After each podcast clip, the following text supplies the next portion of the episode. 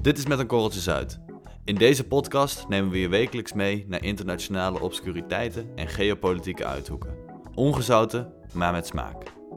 Wij zijn Max en Auke. Welkom.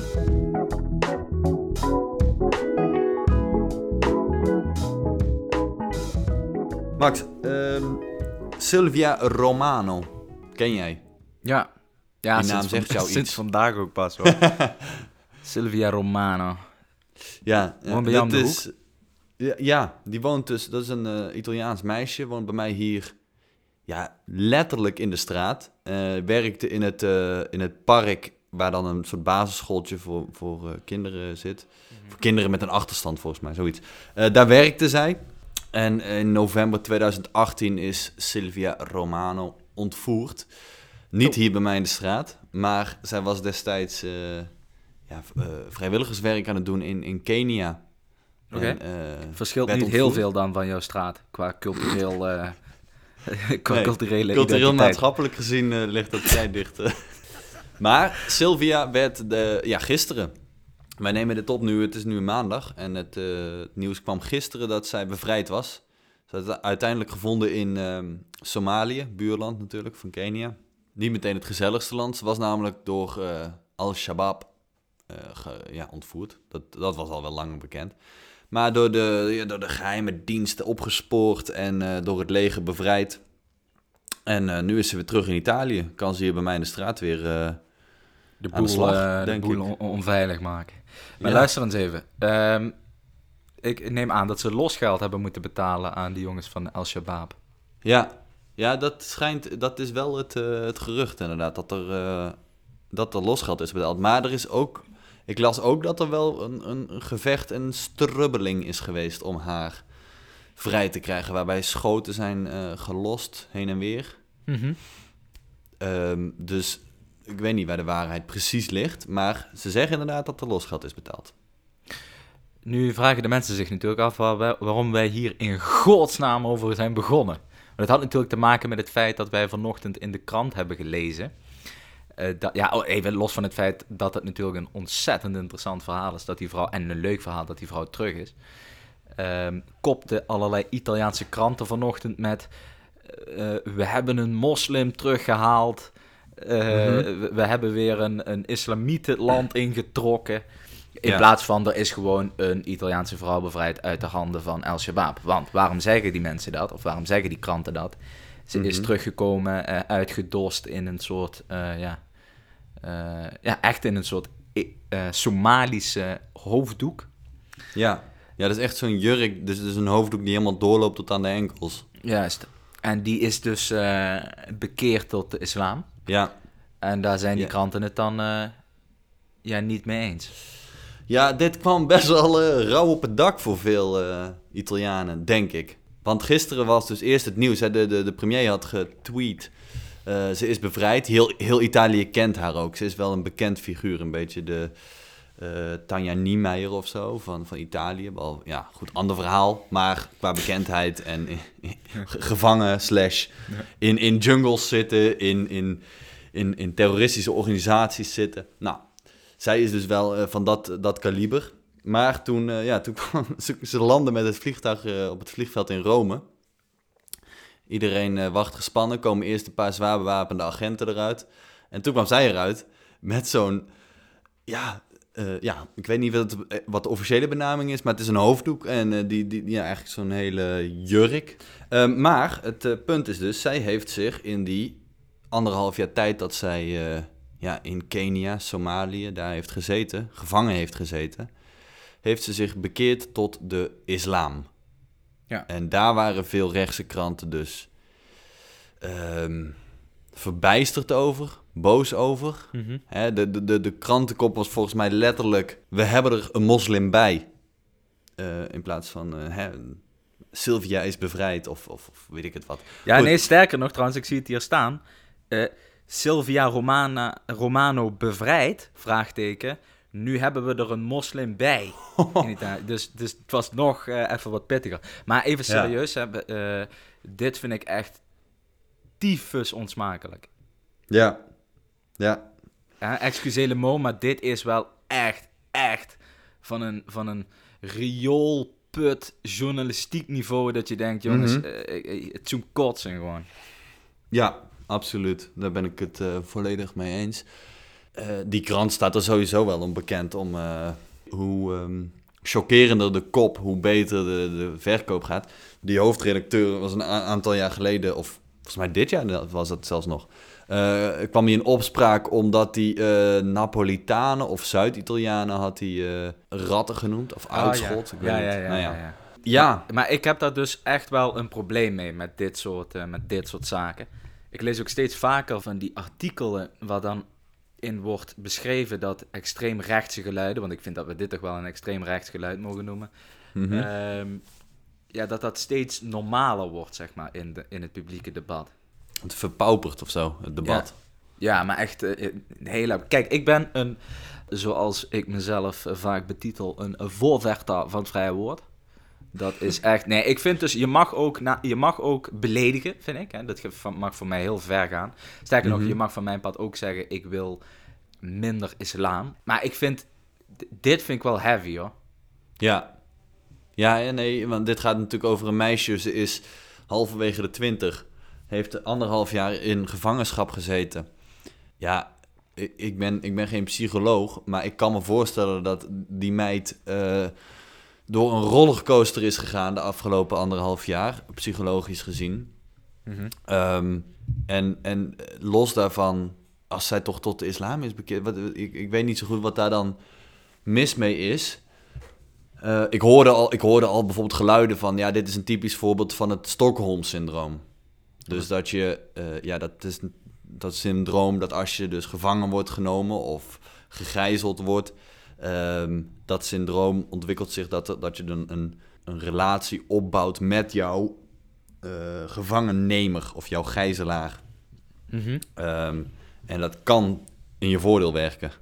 Eh, dat, dat is vaak gebeurd dat je dan dusdanige relatie opbouwt met je gevangennemer... dat je uiteindelijk op die manier toch weet te ontsnappen. Ja, dit, dit- dat soort termen werden al gegooid over haar. Van, kijk, zie je wel, Stockholm-syndroom. Ze is anderhalf jaar lang geïndoctrineerd en vrienden geworden met die, eh, met die Al-Shabaab-mannen. En zie wat er van komt. Ja, ik heb daar ook moeite mee dat, dat, dat zulke dingen zo snel worden geconcludeerd altijd. Ja, dat is natuurlijk de wereld van Twitter en van Facebook. En goed, dat, dat- iedereen heeft altijd, altijd al zijn meningen al klaar. Zeg- terwijl er zegt- misschien- Zegt de podcastmaker. Ja, ja, nee, dat klopt. staat hier in een podcast te blaren, terwijl we, we kunnen ook dat ding uitflikkeren en gewoon met z'n tweeën in een café gaan zitten. Of, eh, ja. Ja. nee, café gaat Nee, niet ik meer. hoorde het mezelf ook zeggen. Maar nee, ik denk dat je helemaal gelijk hebt. Eh, maar ik word daar wel woest van, hoor. Ik word daar wel, eh, ik word daar wel lijp van. Ja, Maar het is, Ja, ook ja, vaak, ja. het is ook vaak dat... Kijk, ik kan me nog wel een voorstelling maken bij mensen die misschien wat minder vaak geconfronteerd worden met buitenlanders, dat die daar toch een, een, een wat, eh, ja, hoe moet ik dat even zeggen, onvriendelijkere verstandhouding mee hebben met die mensen. Maar wat je dus ook ziet, is dat, ja, kijk, zo'n zo'n eh, medium, die schrijft dat op, daar wordt wel gewoon over nagedacht. Daar gaat nog een redactie overheen, daar, gaat nog, eh, daar gaan nog tien mensen overheen om te kijken of het wel, of het wel kan.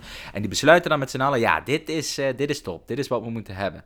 Dat is wel een soort opiniëren, vind ik. En daar heb ik wel een probleem mee. En waar ik ook een probleem mee heb, is als bijvoorbeeld politici dat doen. Ik zei net even tussen neus en lippen door de minder, minder, minder uitspraak.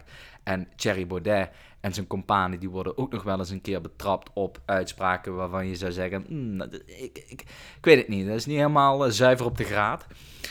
Mhm. Ehm, dan weten ze zich daar altijd wel weer een soort diplomatieke uitweg in te vinden. de- eh, En dat ze, zodat Mhm. wij denken van, ah nee, die hebben het niet zo bedoeld, die hebben het niet zus, die hebben het niet zo.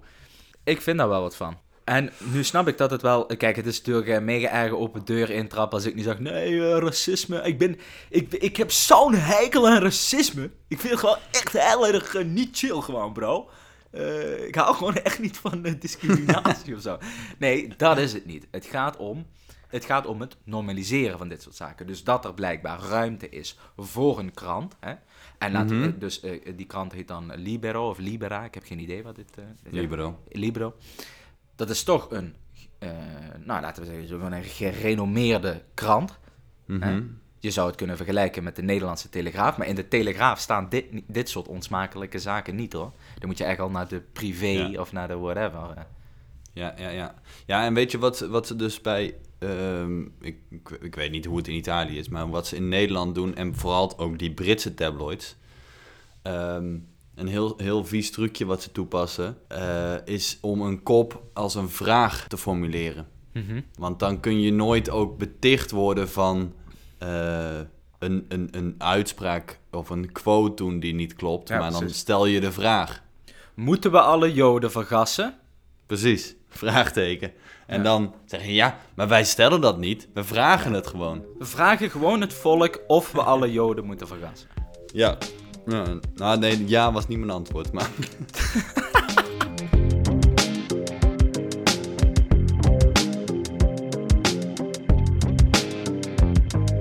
Maar jij eh, komt af en toe nog wel eens op de proppen met een of andere Twitter-battle die je dan weer gehad hebt met een of andere rechtsfiguren. Als je snel genoeg bent geweest om in die toplijsten te raken van, van Ja. reacties op Trumpiaanse Ja, ja, ja. messages. Ja, ik had een paar jaar terug toen, eh, hè, in 2016, Trump eh, aan de macht kwam. Toen dacht ik, hè, wat raar. Eigenlijk een beetje wat iedereen toen had van, huh? Trump heeft gewonnen? Hoe, hoe dan? Ja.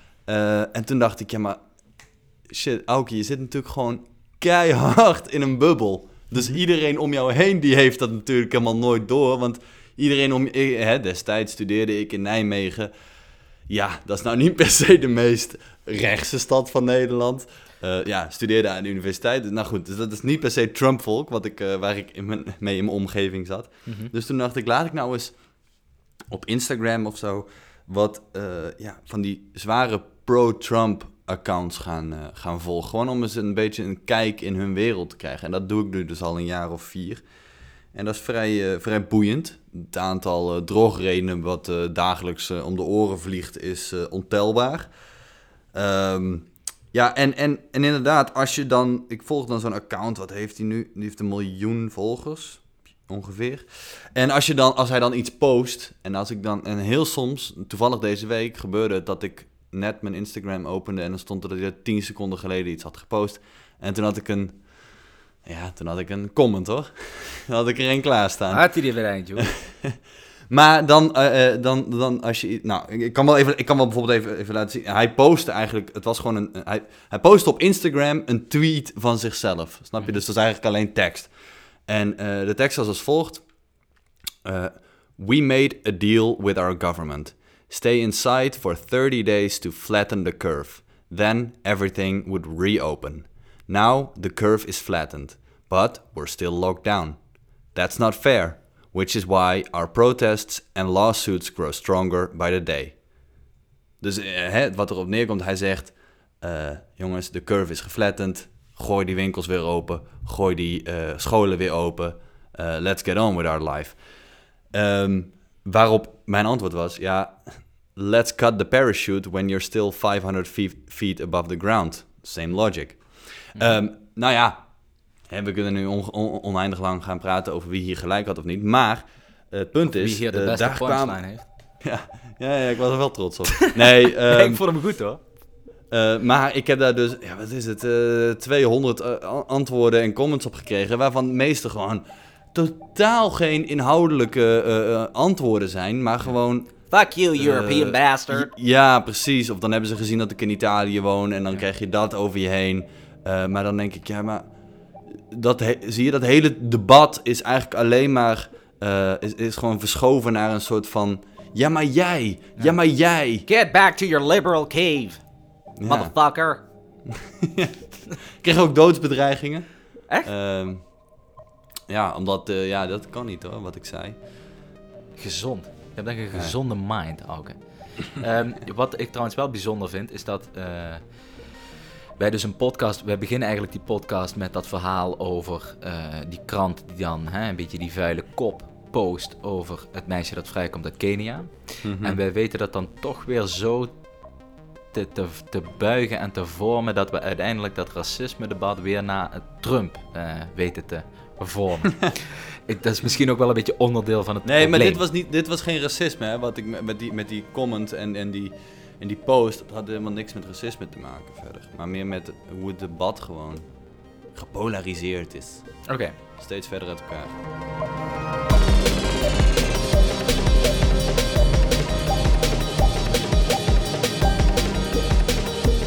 Hey Max, vandaag deze podcast die eh, gaat een beetje alle kanten op. En eh, beste luisteraar, dat ligt er een beetje aan, eh, aan het feit dat Max en ik verwikkeld zitten in een tentamenweek.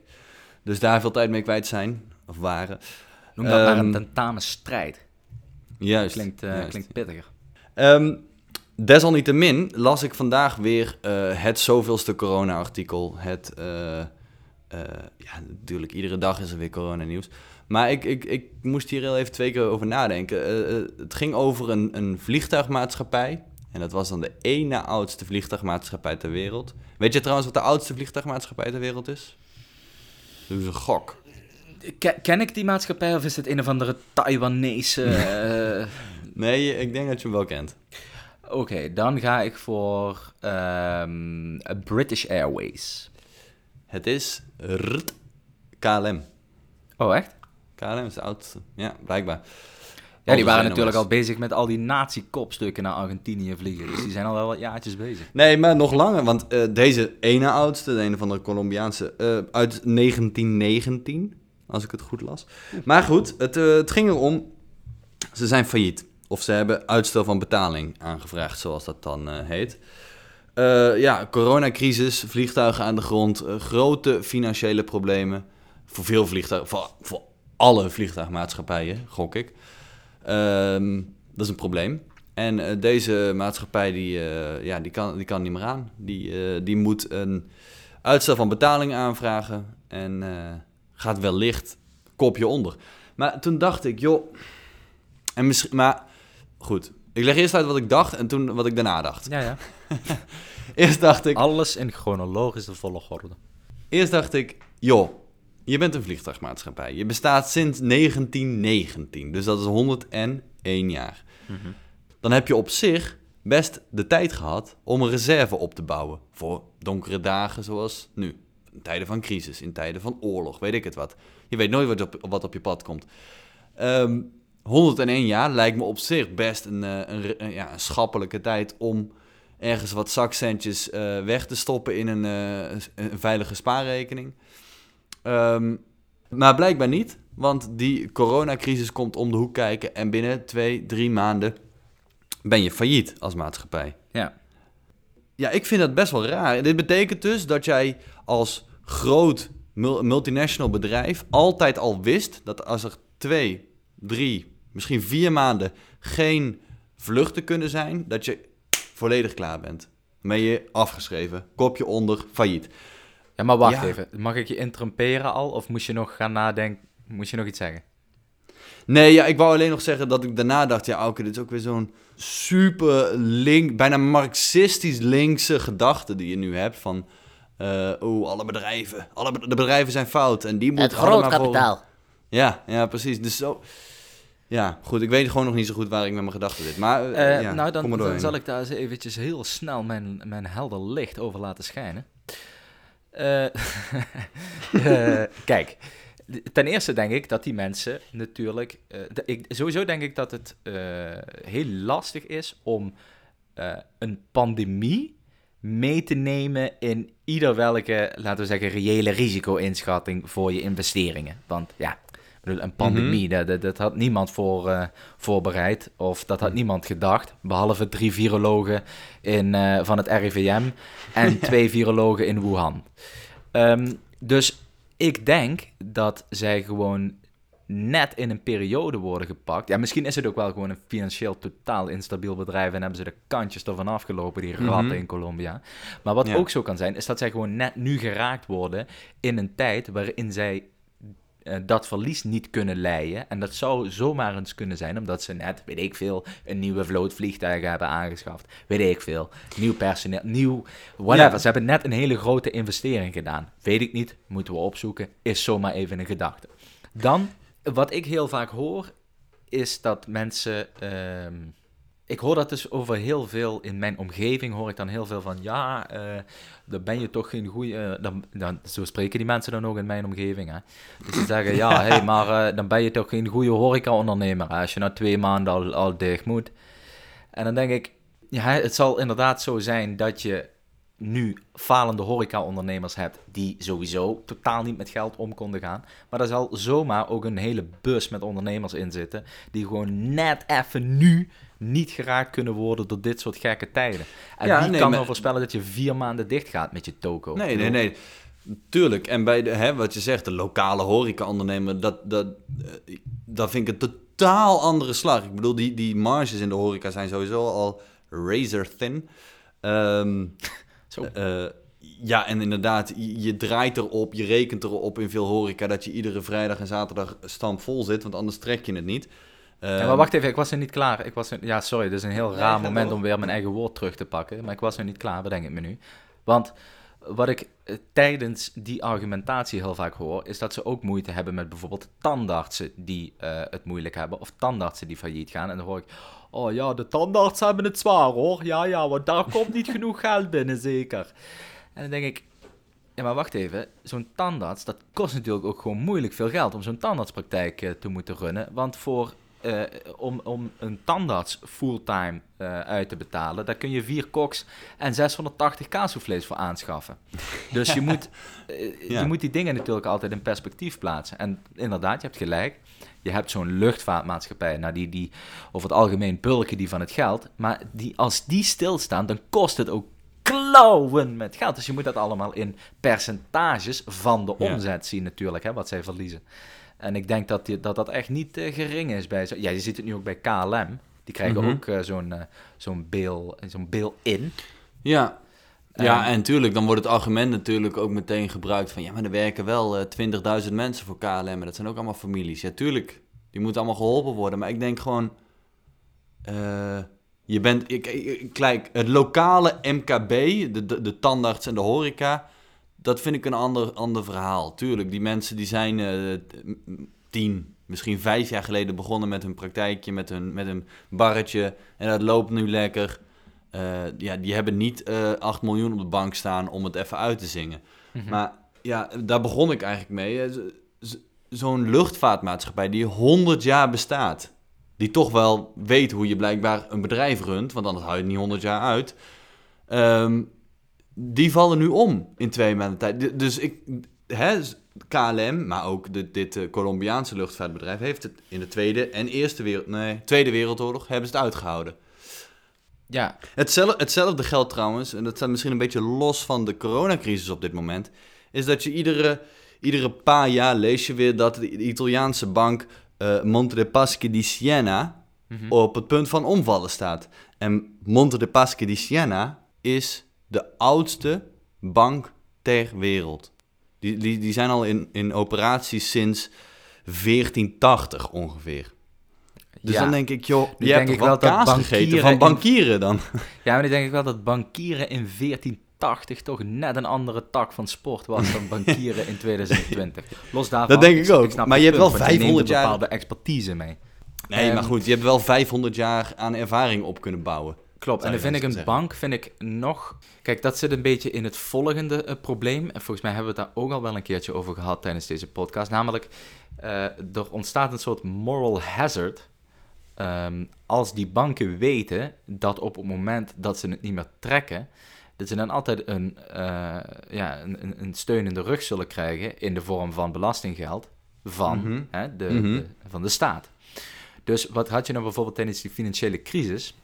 Nou, In er wa- 2008 in bedoel je? 2008, nou, Ja. de, de, blijkbaar eh, hè, was dat bankensysteem niet opgewassen tegen eh, een crisis.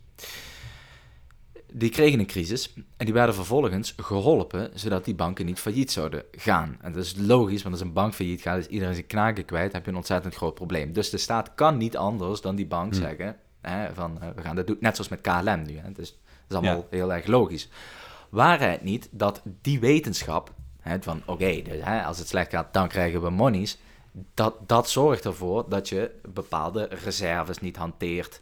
Eh, in, het vo- eh, in de vorm van een bank. Of dat je eh, bepaalde leningen uitschrijft waarvan je weet, hmm, dat is misschien niet helemaal de bedoeling. En datzelfde zal eh, zo zijn voor KLM. Dat die misschien bepaalde boekhoudkundige zaken niet helemaal op orde hebben. Omdat ze weten, ja, wij gaan toch niet failliet. Want als wij failliet Ja. gaan, verliezen honderdduizend mensen direct of indirect hun baan.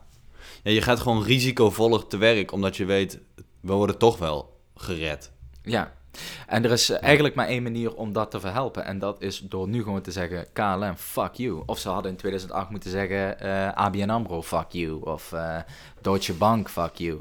Maar dat gebeurt niet. En dat is een politieke keuze. Ik denk dat het, dat het voor, op, op dit moment ook dat er geen- totaal geen draagvlak is om dat tegen KLM te zeggen. Omdat iedereen het toch wel een soort van... Iedereen is het er wel over eens dat dit niet per se de schuld van KLM is. Dat er nu een coronacrisis is, weet je. Dat is aankomen Nee. waaien. Nee, nee, precies. Met die bankencrisis in 2008 was natuurlijk veel meer... eh, ja, de consensus van jongens, jullie, jullie bankenwezen hebben dit veroorzaakt en wij moeten jullie nu gaan redden. Wat is Nee, dit? precies.